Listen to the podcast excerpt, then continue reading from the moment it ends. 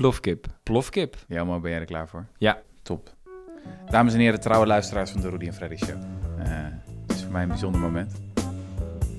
We zitten hier weer uh, boven in een uh, donker zolderkamertje van de, de correspondent op de redactie. En ik heb goed nieuws en ik heb slecht nieuws. Um, beginnen met slecht nieuws. Ik begin met slecht nieuws. Um, jullie hoorden het misschien al een beetje. onze lieve Jessie is er vandaag niet. de HR-afdeling van de correspondent is erachter gekomen dat Jesse al drie, vier jaar geen vakantie heeft gehad.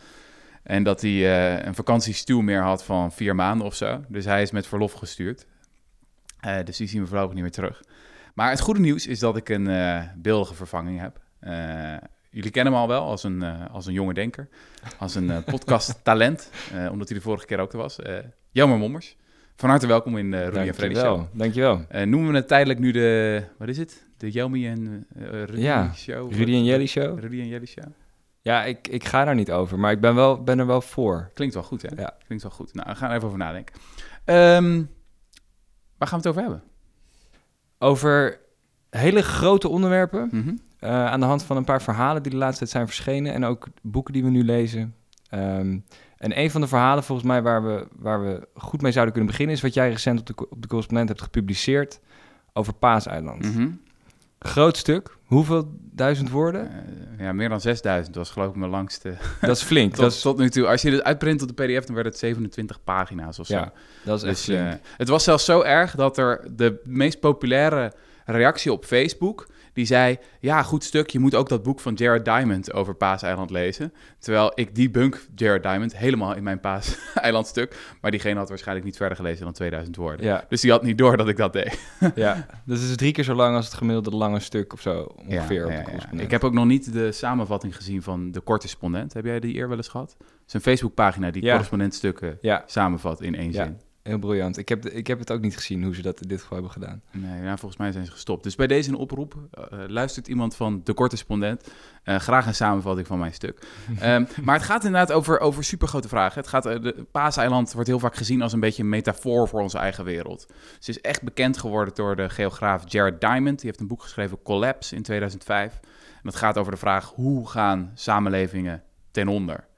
En... Um, zijn theorie is eigenlijk van dat klimaatverandering een hele grote rol daar, uh, daar vaak in speelt. Mm En Paaseiland is dan het voorbeeld, want wat zouden die bewoners hebben gedaan van Paaseiland?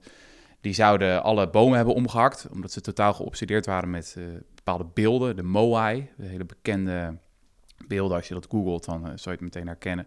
Van grote torso's met gigantische hoofden, waar ze blijkbaar enorme fan van waren. Ja.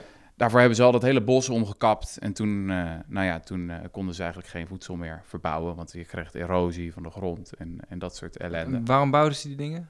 Uh, ja, een soort van re religieuze obsessie. Dus een auteur die noemt het een ideologische manie. Uh, dus dat, dat wordt dan vaak gezegd. Uh, er zit ook vaak een vrij donker mensbeeld achter bij, bij Jared Diamond, maar ook bij andere mensen die dit voorbeeld gebruiken van de mens is fundamenteel zelfzuchtig, wil zoveel mogelijk consumeren, in dit geval zoveel mogelijk van die beelden. Nou ja, de metafoor is natuurlijk dat wij zoveel mogelijk troep willen kopen die we niet mm -hmm. nodig hebben. Mm -hmm. um, kortom, Paaseiland is een waarschuwing. Het ging daar helemaal mis. Uh, uiteindelijk uh, stortte die bevolking helemaal in. Er leefden eerst 15.000 mensen, maar ja, die gingen elkaar de hersens inslaan toen er niks meer te vreten was. Er werden kannibalen en toen uh, de eerste Nederlandse ontdekkingsreiziger er kwam, Jacob Roggeveen, in 1722, uh, kwam hij een heel ellendig volkje tegen. En dat, de grap is dus dat ik dit verhaal altijd geloofde. Dus ik heb ook een boek geschreven, De geschiedenis van de vooruitgang, vijf jaar geleden. En daar, nou ja, daar, met, met, daar herhaal ik gewoon dat, dat hele verhaal. Ik dacht van, er zijn zoveel wetenschappers die dat, die dat betogen. Ik had in heel veel boeken, kwam ik dat terug. Ik vond bewijsmateriaal ook vrij overtuigend. Um, maar eigenlijk in de afgelopen maanden, um, ja, ik heb altijd wel die obsessie voor Paaseiland behouden. En ook voor ondergang überhaupt, toch? Het ondergangsdenken. Ja, precies. Dat, ja. Precies, en dat is ook volgens mij jouw, uh, jouw fascinatie. Um, maar toen ging ik meer, meer research doen en toen kwam ik eigenlijk van, het klopt helemaal niks van. Maar echt van A tot Z klopt er helemaal niks van. Dus het Paaseiland is helemaal niet een, verhaal van uh, oh, totale ellende. Dit is wat er gebeurt als mensen alleen op een eiland zitten. Maar het is eerder een verhaal van veerkracht, van hoop. Van mensen die vrij vreedzaam bleven tot aan het einde. Uh, nou, ik heb een wetenschapper, Jan Boersema, een Leidse professor, uh, hierover gesproken. Die heeft eigenlijk het standaardwerk op, over Paaseiland geschreven. Um, dus het is zo'n voorbeeld volgens mij van dat we heel graag, dat we een soort van diepe neiging, bijna in de menselijke natuur is, zou je zeggen, Mhm. om het slechtste over onszelf te denken. Eh, en ik kom aan het eind van mijn stuk een beetje tot de conclusie van, is dat niet eigenlijk gewoon gevaarlijk? Eh, want het kan ook een zelfvervullende profetie worden. Als je gaat geloven dat het toch niks wordt. Ja. Eh, ja. En hoe verbind je in je stuk het verhaal van Paas, Paaseiland aan, aan de, de problemen van deze tijd en het mensbeeld wat we nu hebben Mhm. over eh, doemdenken wat je nu ziet? Ja, nou, ik vond het wel een mooie opmerking van die professor Boerse, maar die zei... ehm, we zien heel vaak wel dat problemen exponentieel kunnen groeien. Dus Mhm. in heel rap tempo. Eh, kijk naar klimaatverandering of het opraken van grondstoffen. Eh, maar oplossingen kunnen ook exponentieel groeien. Dus een bekend voorbeeld is Paul Ehrlich, een eh, Amerikaanse professor, die zei... In de jaren 70 zullen er honderden miljoenen mensen sterven van de honger. En daar kunnen we niks meer aan doen. Ja. Niks. Het is al te laat. Dat zei hij eh, eind jaren 60.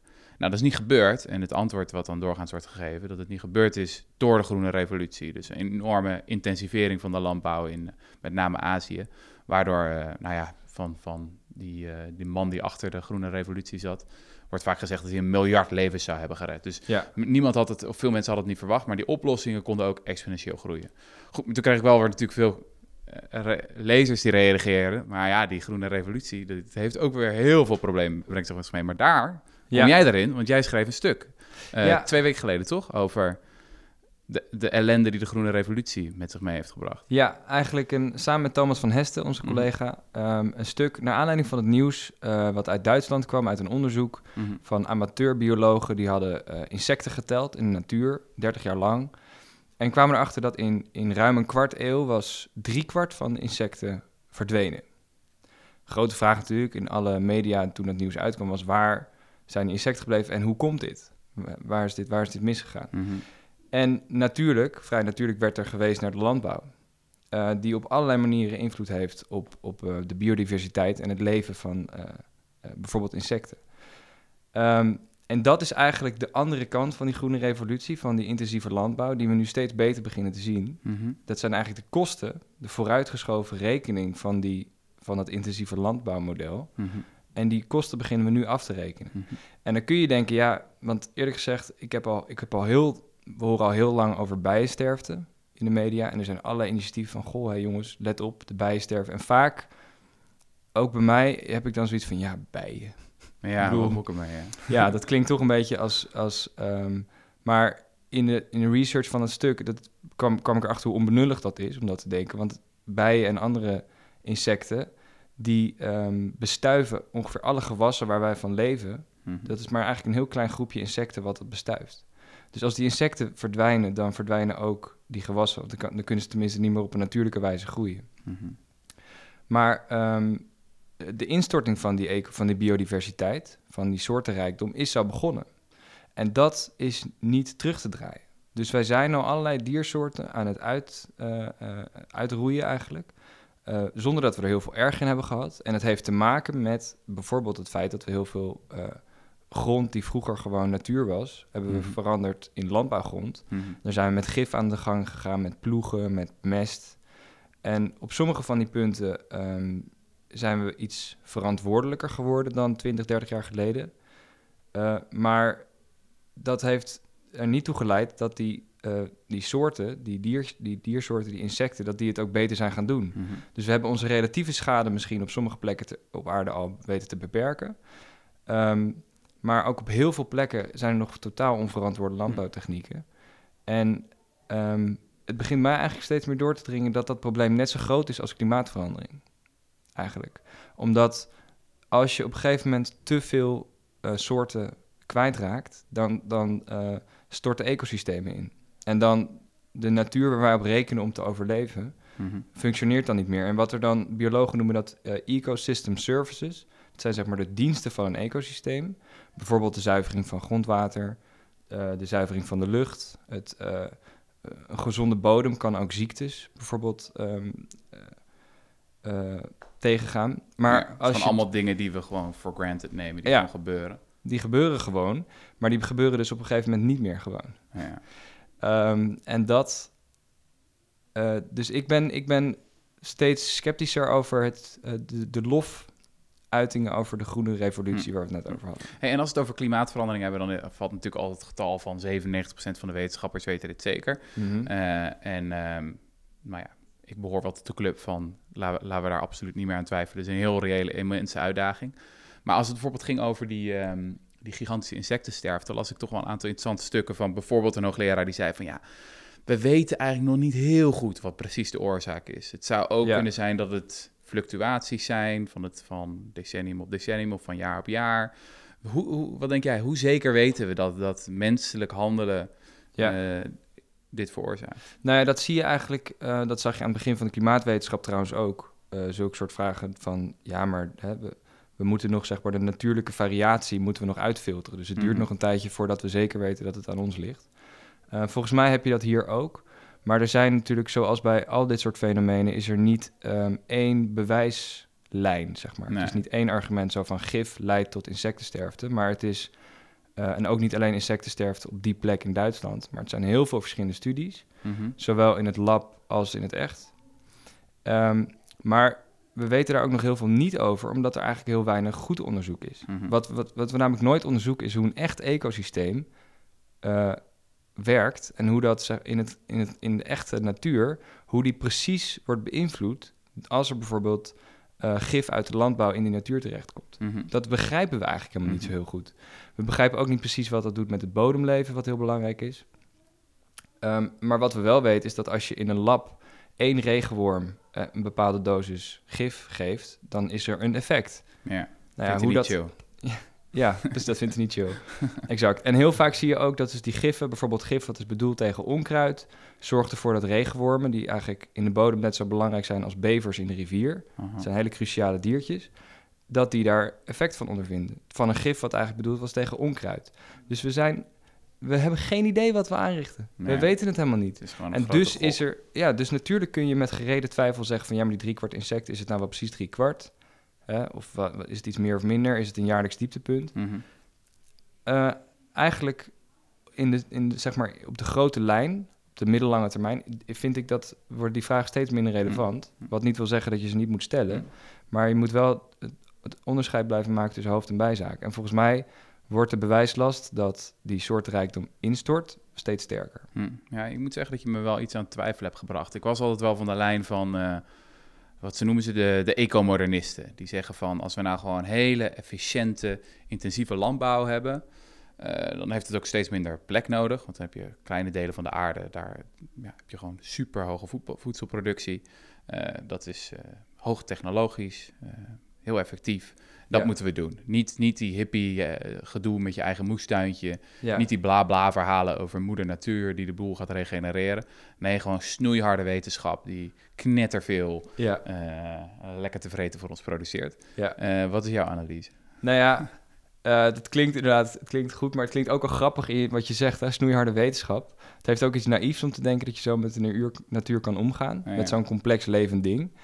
Um, en de uh, het hoofdargument van de ecomodernisten is een soort van curve, een soort van lijntje in een grafiek wat omhoog gaat en dan naar beneden, als een soort van bol. Ja. Um, een omgekeerde U.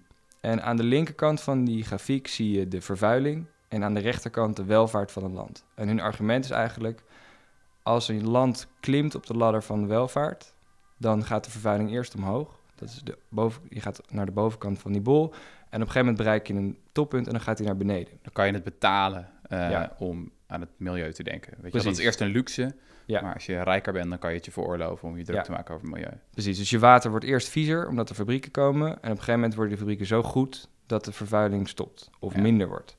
Nou, dat is dus voor sommige problemen klopt dat, bijvoorbeeld voor uh, luchtvervuiling op sommige punten, maar um, voor dingen als biodiversiteitsverlies en klimaatverandering, dat zijn onomkeerbare problemen. Hm. Dus het is, daar, daar gaat die theorie ongelooflijk mank. Mm um, en bovendien gaat het dan altijd om relatieve winst. Mhm. Dus het gaat niet over een absolute daling van de schade die het toebrengt aan de natuur mhm. of aan het klimaat. Terwijl dat wel is, als we met zoveel miljard mensen op aarde zijn, waar we het over moeten hebben. Mhm. Dus um, die ecomodernisten zitten met een, met een curve, met een soort theorie die uh, ongelooflijke mankementen vertoont. En die eigenlijk, uh, zeg maar, die hele theorie mist ook een heel belangrijk punt, namelijk dat we afhankelijk zijn van levende systemen die we eigenlijk nog niet goed kennen. Maar wat je niet kent, is het waarschijnlijk verstandig om dat niet al om zeep te helpen voordat je precies begrijpt hoe het voor je werkt. Mhm. Dat geldt voor die bodems. En eigenlijk ben ik beginnen, begonnen te zien een tijdje geleden dat die intensieve landbouw is eigenlijk net als de fossiele brandstofindustrie een extractieve business. Dus Hm. dat wil zeggen, zij onttrekken meer dan ze teruggeven. Dus een, een eh, akkerbouwer die zijn land heel intensief gaat gebruiken, die vernietigt daardoor stapje bij beetje een gezonde bodem en dat komt niet meer terug. Het is op de pof. Het is op de pof. Nou ja. Ja. Nou ja. Eh, en je kan wel kunstgrepen uithalen daarna om die bodem weer tot leven te wekken en zo. En dat is niet hopeloos hoor. Er zijn hele goede landbouwmethodes om, eh, om, die, om die natuurschade die je toebrengt ook weer terug te draaien. Maar ehm, dan moeten we dat wel doen. En, en, en wat je ook zei van het, het beeld, zeg maar, aan de ene kant intensieve landbouw, aan de andere kant een moestuintje. Mhm. Dat is ook heel lang het beeld wat, wat heel dominant is geweest. Aan de andere, maar dat klopt niet. De, de intelligente eh, agro-ecologische voorstellen die nu worden gedaan, dat zijn een soort van, het wordt ook wel natuurinclusieve landbouw genoemd. Agro-ecologisch. Ja, dus dat is dat je combineert Goeie agro. Ja, ja, dat is een mooi woord. Je combineert agro met ecologie. Nou, dat is een stroming die uit Zuid-Amerika komt. Het, doet eigenlijk niet eens zo heel veel toe welk woord je ervoor kiest. Mhm. Natuurinclusief kun je het ook noemen. Biologische landbouw heeft ook eigenschappen van dit soort systemen of permacultuur. Ja. Het, gaan, het zijn allemaal ontwerpfilosofieën die ervan uitgaan dat de natuur een levend ding is, waar je dus eh, niet meer uit moet halen dan je erin stopt. ja, dus we hoeven niet terug te gaan rondrennen in de bossen als jager en verzamelaars. Precies. Eh, we kunnen nog steeds die superslimme wetenschappers eh, eh, hun werk laten doen. Ja. Alleen op een heel andere manier laten kijken naar de toekomst. van de Ja, en dan dus niet, het heeft niet alleen voordelen voor, voor de natuur en voor die. Je zou dus nog steeds behoorlijke opbrengsten kunnen halen, ook op een kleine hoeveelheid land. Mhm. Maar het levert bijvoorbeeld beter werk op, meer werk ook. Dus dan kun je zeggen, oh, dat kost dus meer arbeid. Dat is een nadeel van het model, maar volgens mij is dat juist een voordeel. Mhm. Want het, het zijn mooie banen, ehm, eh, namelijk om goed voedsel te verbouwen. Ja. Dat is, lijkt me goed werk. Mhm. Ehm, Mee eens. ja, Veel mensen snakken ernaar. Volgens mij ook. Ja. Snakken naar werk wat zinvol is. Nou, dit is, dit is een voorbeeld. Ja. Dus ehm, eh, ja, ik ben ook heel geïnspireerd door de mensen die hier nu mee bezig zijn. En eh, ik wil er dus binnenkort nog wel een stuk over maken. En, en ik ben dus ook steeds verbaasd over dat ecomodernistische betoog. Wat eigenlijk voor meer extractie, voor meer onttrekking van eindige bronnen. Totaal lineair, mechanistisch model. En Hm. dan, daar maar mee doordenderen. Alsof je, dat... Weet je waar jouw Kan. biodiversiteits, of jouw diversiteitsargument me aan doet denken? Ehm, een van mijn lievelingsboeken is geschreven door James C. Scott, dus een antropoloog. En die eh, publiceert iedere paar jaar echt een boek dat je volledig wegblaast. En een van zijn bekendste boeken schreef hij eind jaren 90 en dat heet Seeing Like a State. Ja. Dat gaat dus over de, ja, de blik van de staat en hoe de staat heel vaak eh, naar, de, naar de werkelijkheid kijkt van bovenaf. En niet Ja. ziet wat er dan van onderop allemaal misgaat. En zijn eerste hoofdstuk gaat over het ontstaan van de wetenschappelijke bosbouw in Pruisen in de 17e, 18e eeuw, als ik het wel heb. Eh, wat, wat ontdekten die eh, Duitsers op een gegeven moment? Die ontdekten van als wij nou gewoon eh, die, die bossen een beetje organiseren als onze legers, dus alles in rijen netjes naast elkaar, alles geïndiceerd, we weten precies wanneer ze geplant zijn, we weten precies wanneer ze rijp zijn om om te hakken, dan gaat die produ- productie gigantisch omhoog. Ja. En inderdaad, in die eerste jaren, in de eerste decennia, werkte dat als een tierenlier. Dus de ecomodernisten hadden er waarschijnlijk bij gestaan en hadden gezegd, top, dit Ja. gaat lekker. Ja. Eh, zo doen we dat in een modern beschaafd land.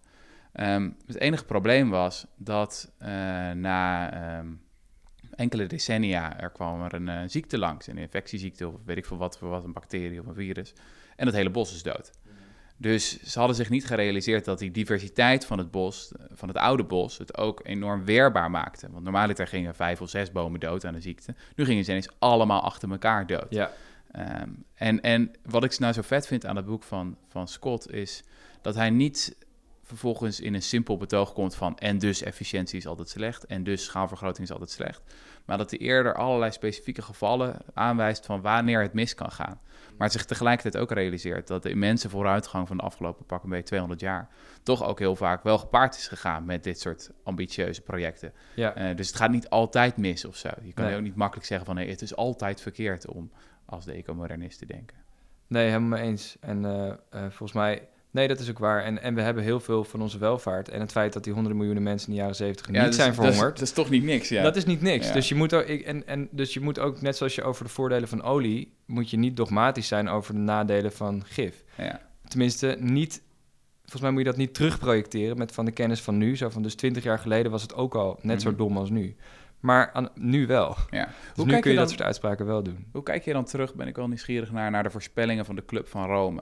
Ik kwam er in mijn onderzoek naar Paaseiland, kwam ik erachter dat eigenlijk de reden waarom die, die mythe de wereld in is geholpen over dat Paaseiland een soort van voorbeeld zou zijn van ecocide, van mensen die hun eigen wereld, hun eigen ja, omgeving naar de knoppen helpen, dat dat heel erg voortkwam uit de tijdgeest. Mhm. Dus William Mulloy, dus de archeoloog die het als eerste dat verhaal opschreef, die was heel erg onder de indruk in de eerste plaats van Paul Ehrlich, die, die, die voorspelling had over de honderden miljoenen doden, Eh, maar ook van het rapport van de Club van Rome, begin jaren 70, Grenzen aan de Groei. Die ze eigenlijk zeiden van als we zo doorgaan, dan stort het hele zootje in, halverwege de 21ste eeuw. Maar Nou, is dat rapport heel vaak belachelijk gemaakt. Ook Mhm. in de jaren 80, 90, van kijk, daar klopt eigenlijk niks van. En eh, we leven allemaal nog, hallo, we zijn er nog. Ja. Eh, dat is allemaal onzin geweest. Ehm, ik ben heel benieuwd hoe jij daarnaar kijkt. Is dat, is dat waar? Zat die Club van Rome daar helemaal naast?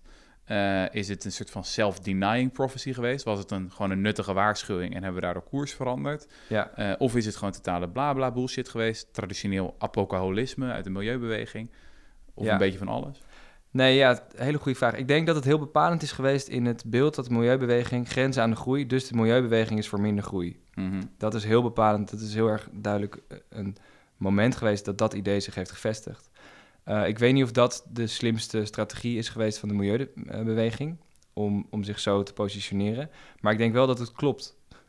dus wat er in dat rapport staat over de grenzen aan de groei, dat lijkt me gewoon waar. Ja. En sommige van die grenzen zijn we al gepasseerd. Maar we kunnen nog een stukje doorrennen. Ook als je eh, aan het struikelen bent, kun je nog een stukje, heb je nog een tijdje vaart. ja. En ehm, als je kijkt naar modellen die al die grenzen aan de groei zeg maar, beschrijven, eh, waar zij het toen over hadden, eh, dan kom je op een model wat, wat, wat ik interessant vind. Dat heet de Planetary Boundaries, de grenzen van de planeet eigenlijk. En dat is een soort index van verschillende grenzen die je in acht moet hebben, totaal. Ehm, eentje is bijvoorbeeld de CO2-uitstoot, omdat eh, eh, als je te veel CO2 uitstoot, dan gaat het klimaat eh, op hol op een manier Mhm. die niet te repareren is. Maar ander is het verlies van biodiversiteit. Nog een andere is de vervuiling door bijvoorbeeld kunstmest eigenlijk, Mhm. in zowel de natuur als in oceanen. Nog een andere is de ozonlaag. Het gat in de ozonlaag, als je er te veel van uitstoot, dan wordt dat Hm, gat groter. Dat gaat nu wel goed, toch? Dat gaat beter. Ja. Ja. dat is een van de weinigen die beter is. Chill. Ik heb laatst dat lijstje bekeken en bijna al die andere indicatoren van al die andere planetaire grenzen worden minder goed. Ook bijvoorbeeld Hm. luchtvervuiling. Ehm, dus dat is, eh, als je zo gaat kijken naar de planeet, zeg maar, eh, dus niet alleen naar klimaatverandering, maar gewoon naar dat hele plaatje, dan is dat rapport van de Club van Rome gewoon raak geweest. Ja. En heeft het ons op tijd gewaarschuwd en hebben we niet op tijd iets met die Ja. waarschuwing gedaan.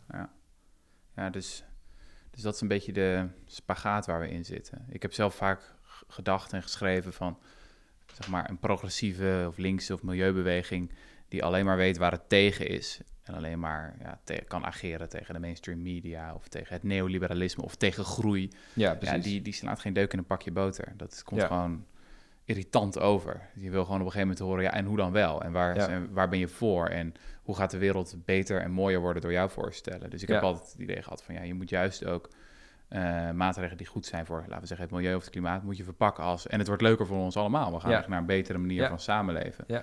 Ehm, en en dat, dat mist naar mijn idee vaak. Ja, vaak wel, maar je begint het wel te zien. Hè? Er, zijn, er komen nu wel boeken uit, volgens mij ook, waar, waarin die draai heel duidelijk wordt gemaakt. Ja? Ehm, ja. Eh, wie hebben we allemaal? Ehm, Naomi Klein, zij eh, No is not enough, heet haar laatste boek. Ja. Nee, is niet genoeg. Ja, Kortom, ja, ik vond het bijna ook een beetje zelfkritiek. Zo van mijn vorige boeken, The Shock Doctrine en ja. No Logo, gingen allemaal over wat er allemaal klote is. Eh, en nu ga ik laten zien hoe het anders kan. eh, Trump. ja. En jij was nog een ander boek aan het lezen? ja eh, eigenlijk twee andere over. Ja, Naomi Klein heeft trouwens aan het einde van haar vorige boek over klimaatverandering, is ze ook al heel erg bezig met dat nieuwe systeem. En ik denk dat het voor veel van die auteurs geldt, maar het is nooit de hoofdmoot van het boek. Het gaat nooit alleen maar over, zo zou het ook kunnen Nou, ik zijn. vond de Shock Doctrine dus een heel mooi voorbeeld. Ja, Daar, dus de Shock Doctrine, dat schreef ze in 2008 geloof ik. Of iets 2007, denk ik. Ja, ik weet niet meer, ja. In ieder geval gaat over hoe marktfanatici steeds gebruik maken van ja, het feit dat mensen na een natuurramp bijvoorbeeld even in de war zijn en dat ze dan al hun markthervormingen doorrollen uh, achter elkaar. En ze zetten ook een beetje een beeld neer van dat mensen na een natuurramp even, ja, ze weten het allemaal even niet meer. En daar klopt volgens mij geen, geen klap van. Rebecca nee. Solnit heeft daar een heel mooi boek over geschreven. Dat juist na natuurramp mensen samenkomen en het beste in de menselijke natuur naar boven komt. Dat we dan een explosie van altruïsme zien en zo. Ja. Dus ik heb het idee dat ook een soort van binnen die links-progressieve beweging eindelijk ruimte ontstaat voor een iets positiever bandsbeeld. Of iets meer voor uh, hoop, zeg maar. Ja, dat dat ook belangrijk is. Ja, dat zie je dus ook bij die andere um, uh, goede auteur, de Guardian-columnist um, uh, George Monbiot. Ja. Die heeft een boek Out of the Wreckage nu, mm -hmm. uit het wrak, zeg maar. Ja. Um, uh, dat gaat ook heel erg over een nieuwe politiek voor deze tijd. Welke verhalen zou je moeten vertellen om, om wel uh, met z'n allen een betere samenleving te bereiken? Um, en een boek wat me dus onwijs inspireert en wat, wat nu ook veel besproken wordt. Zij was laatst op tv, Kate Raworth, uh, mm -hmm. Donut Economics. Um, en dat is ook echt zo'n voorstel om een economie te ontwerpen op basis van gewoon hele nieuwe regels. Mm -hmm. En zij neemt dat model van die planetaire grenzen, wat ik net schetste, dat is één ring van haar donut. Dat is de buitenste ring dat van de donut. De, de ja. buitenste ring van haar donut. Dus daar mag ja. je niet buiten komen. Ja. Daar mag je niet buiten, dus dan moet je binnenkomen. En de, de, mensheid zou een soort sweet spot moeten vinden voor zijn eigen aanwezigheid op aarde, tussen die buitenste ring en een binnenste soort van leegte, want in een donut in het midden zit niks. En dat is zeg maar waar tekort aan bijvoorbeeld um, goed werk, Oh, aan drinkwater, ja, ja, ja. aan voedsel. Extreme armoede. Extreme armoede. Dus daarbinnen zit een soort van so societal foundation, een soort van maatschappelijk fundament, wat ook gewaarborgd moet zijn. En daartussen is, daar is het prettig toeven, zeg maar. En zij komt dus ook met allerlei principes hoe je daar zou kunnen komen. En een van de, be de belangrijkste is um, niet, bijvoorbeeld niet alleen maar streven naar groei. Nou, dat is, wordt al heel vaak gezegd, maar zij heeft dat dus geïncorporeerd in een veel groter plan. En eentje die ik heel interessant vind is... Um, ontwerp alles zodat het regeneratief is. Mm -hmm. Dus die landbouw waar we het net over hadden, die intensieve landbouw, is eigenlijk, uh, die vernietigt zijn eigen bodem. Die vernietigt eigenlijk de basis waarop die functioneert. Maar je kan het ook anders inrichten, zodat die regeneratief is, zoals een natuurlijk systeem, zoals een ecosysteem. Wat eigenlijk, je hoeft er vrij weinig aan te doen en het blijft maar nieuwe waarde creëren voor ja. al die kringlopen in zo'n ecosysteem. En die dieren kunnen daardoor leven, planten kunnen daardoor groeien. Uh, en daar moeten we eigenlijk naartoe. Dus dat is volgens mij een hele interessante beweging. Um, en die begint ook echt overal wel, wel door te dringen of zo. Ook ja. bij heel veel bedrijven hebben, hebben al begrepen dat dat een, goed, een goede richting is. Ja, ja, haar boek werd ook lovend ontvangen, toch? Ja. Onder andere door Mombiot. Ja, zeker, ja. auteur die je noemde. Ja. ja. En volgens eh, ze heeft, heeft ze ook een hoofdstuk over mensbeeld en zo, van dat we daar vanaf moeten. Ik kan me herinneren dat toen ik er even doorheen bladen. Dat zei, we moeten af van het idee van homo economicus. Die, oh ja, precies. Die zoveel mogelijk voor zichzelf wil. Ja, de mensen zijn maar geen...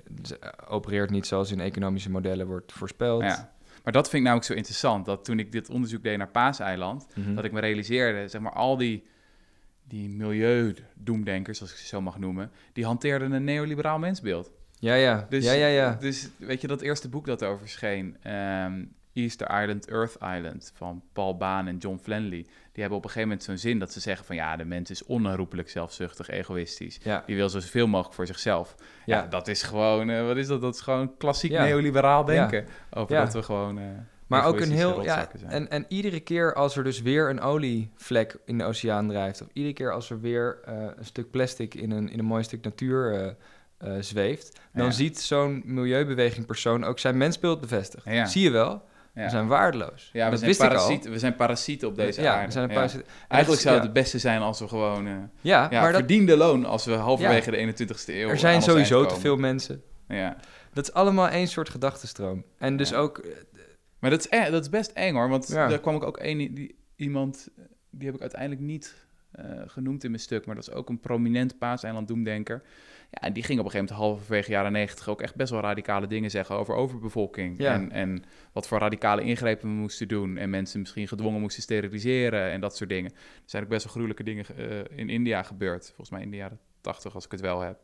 Dus ja, dat iets te veel van het denken kan best wel tot ellendige... Ja, ja. Nee, het is echt heel heftig. Ik zag een keer een filmpje. Uh, Lex Bolmeijer heeft daar een toneelstuk Mhm. Eh, Correspondent Les ja. Die heeft ook een toneelstuk geschreven op basis van dat filmpje. Wat op een gegeven moment eh, rondging op internet. Dat is dat, dan zie je een kind in een auto, achter op de achterbank. En je ziet dat kind enorm huilen. En Mhm. die is ontzettend verdrietig. En dan vraagt die moeder, maar wat is er dan? En dan legt hij uit dat mensen een soort van diersoort zijn die alles kapot maken. En people don't care, het is een Engels jongetje. En het is Mhm. echt allemaal heel erg. En hij, het- die jongen is hysterisch aan het huilen. En ik liet dat laten zien tijdens een lezing. Ik zei, in de eerste plaats heb ik getwijfeld of ik dit wilde laten zien... omdat ik het al belachelijk vind dat dit online staat. En moet Ja. ik dat ook nog doorgeven? Aan de andere kant dacht ik, het is een heel goed voorbeeld... van wat zo'n negatief mensbeeld doet. Want Ja. als je het ook nog eens doorgeeft aan de volgende generatie... dan, gaat die, dan wordt hij daar ook nog eens mee beïnvloed. Het is Ja. echt, dat is echt heel... Mensen eh, worden er hopeloos van. Mensen worden er hopeloos van. Terwijl je als, je als je die bril afzet en gewoon goed kijkt naar wat er om je heen gebeurt, is dat er superveel toffe dingen gebeuren elke dag. En Mhm. als iemand van de fiets valt, dan staan er binnen no time tien mensen omheen om te helpen. Wat jij zei, als er een ramp gebeurt, dan komen mensen juist ook samen. Ja, nou dat, dat vond ik een heel vet voorbeeld wat jij me ook gaf, is van ehm, dat men verwacht had te- van als de klimaatverandering op gang komt, dat kleine eilanden in de, in de grote oceaan, dat voorspeld was van heel veel van die eilanden zullen geëvacueerd worden. Mhm. Maar dat mensen die al lang weg hadden moeten zijn er nog steeds zitten. Eh, terwijl de milieubeweging had gezegd die al lang weg moeten. En waarom? Ja, omdat mensen zich gewoon verdomd goed aanpassen. Ja. Er zijn hele hardnekkige wezens die elke keer weer oplossingen verzinnen. En dat sprak me wel heel erg aan in, Ja. in, dat, in dat betoog ook van professor Boersma. Is van, laten we in vredesnaam ook niet onderschatten eh, hoe vernuftig we kunnen zijn. En Ja. hoe handig we kunnen zijn in, in het oplossen van problemen. En wat voor gigantische uitdagingen we in het verleden al overwonnen hebben. ja. Ja, toch. Ja, man. Eh Jelmo, ik heb nog twee vragen voor je. Oké. Ehm, je weet, eh, de Rudy en Freddy Show is eh, traditioneel een eh, radicaal anarchistische podcast. Eh, dus wij willen al onze luisteraars altijd handvatten geven om eventueel de gestreken zwarte vlag eh, mee te nemen. Dus ik, Ja. ik ben heel benieuwd eh, of je, of je nog, wat, nog wat tips hebt. Van, Ehm, eh, hoe, wordt dit, hoe wordt het wat concreter? En de tweede vraag die ik voor je heb is... eh, heb je nog een boodschap voor, eh voor Jessie? Die nu Voor lekker Jessie? op vakantie is. Ja, die zit waarschijnlijk te luisteren. Laat ik met die ja. beginnen. Nou, ik eh, hoop dat hij... ik hoorde dat hij vorige week zat hij in- ingewikkelde boeken te lezen over eh, eh, eh, systeemverandering, complexe systeemverandering of zo. Ja, dat zou ik Ah. hem afraden. Ja, dat is vakantie voor hem. ja, dat is dus kennelijk vakantie. Ehm, nee, ja, Lees eens een roman, als ja, je luistert. precies. Ja, ja. Nee, je andere vraag, tips, tips. Nee, ik weet niet. Ik had vanochtend met iemand over dat we soms ook wel graag willen geloven dat alle problemen waar we het nu over hebben, ook in deze podcast, zo ingewikkeld zijn dat we ze bijna niet kunnen oplossen. Ja, En dat is gewoon echt niet waar. ja, En dat is ook wel, eens, dat is ook wel goed om dat tegen elkaar te blijven zeggen. ja. Je kan gewoon googlen, ehm, hoe verklein ik mijn uitstoot het beste. ja, Een van de stukjes die je dan krijgt is op de correspondent. ja. een ander wat stuk is, wat van- Is de, wat is de nummer één? Ja, Gewoon, geen vlees. gewoon stoppen met vlees Ja, eten. stop met dat vlees. is het eerste makkelijkste wat je kan doen om je eigen CO2-uitstoot te verkleinen. Oké, heb ik gedaan. Wat nog meer? Check. Minder vliegen. Oké, dat is een probleem. of eigenlijk niet vliegen. geweest. Ja. Ja, ja dat is een... eh, eh, Mag je nog wel vliegen als je goede ideeën aan het verspreiden bent? Of althans, je denkt dat je goede ideeën aan het verspreiden bent over de wereld? Of, Ja, dat, dat moet je heel even navragen bij eh, de powers that be. Nee, ik weet het Ja. niet hoor. Dat, ja, maar minder vlees, minder vliegen, dat zijn echte klappers. ja, en dat zijn klappers en bijvoorbeeld minder spullen kopen. Hm. Want er zit heel vaak zitten ver- verborgen milieukosten in de spullen die we aanschaffen. Dus, en die gooien we ook weer weg. Dus dat kun je ook beter dan minder doen. Groente uit seizoen. Ja, het is een ergens een flauw lijstje, ja. maar het zijn ook hele goede handvatten. Nou, maar dat is een van die dingen die mij aanspreekt, laten we zeggen, in de ecomodernistische beweging, is hun eindeloze nadruk op het belang van kosteneffectiviteit. Mhm. Als je iets wil doen voor het milieu, denk dan in vredesnaam na over wat het meest effectief is. Hoe je het meeste bang voor de buck krijgt, zeg Ja. maar. Eh, je gaat 10 euro uitgeven en zorg er dan voor dat die 10 euro maximaal effect heeft. En dat is volgens mij in het verleden ook vaak een goede, sterke kritiek geweest op de milieubeweging. Maar trouwens ook veel maatregelen die de overheid nu neemt. Is van, als je zoveel geld gaat uitgeven, doe dan niet dit. Weet je, Ja. ga niet CO2 opslaan of zo, zoals je Ja. vorige keer zei. ja. Maar ga iets anders doen. Ja, eens. Of doe, of doe kies voor de oplossing die niet een tussenoplossing is, maar die zo snel mogelijk bij dat regeneratieve eh, ontwerp komt waar we het net over hadden daar moeten we namelijk naartoe. En dat, als we daar ook komen, dan kan het ook nog wel eens weer heel plezant worden in die donut waar we het over hadden. Precies. Nou, eh, wij gaan even een donut eten, denk ik. Even zoeken ergens. Ik eh, vond het weer genieten. Ja, super chill. Doen we nog een keer? Sowieso. Eh, ja, Jesse zal nog even op vakantie zijn. Ehm, ik zal hem binnenkort wel even, even bellen hoe het met die systeemveranderingen zit. ik zeg tot de volgende keer. Ja, tot de volgende. Hoi. Doei.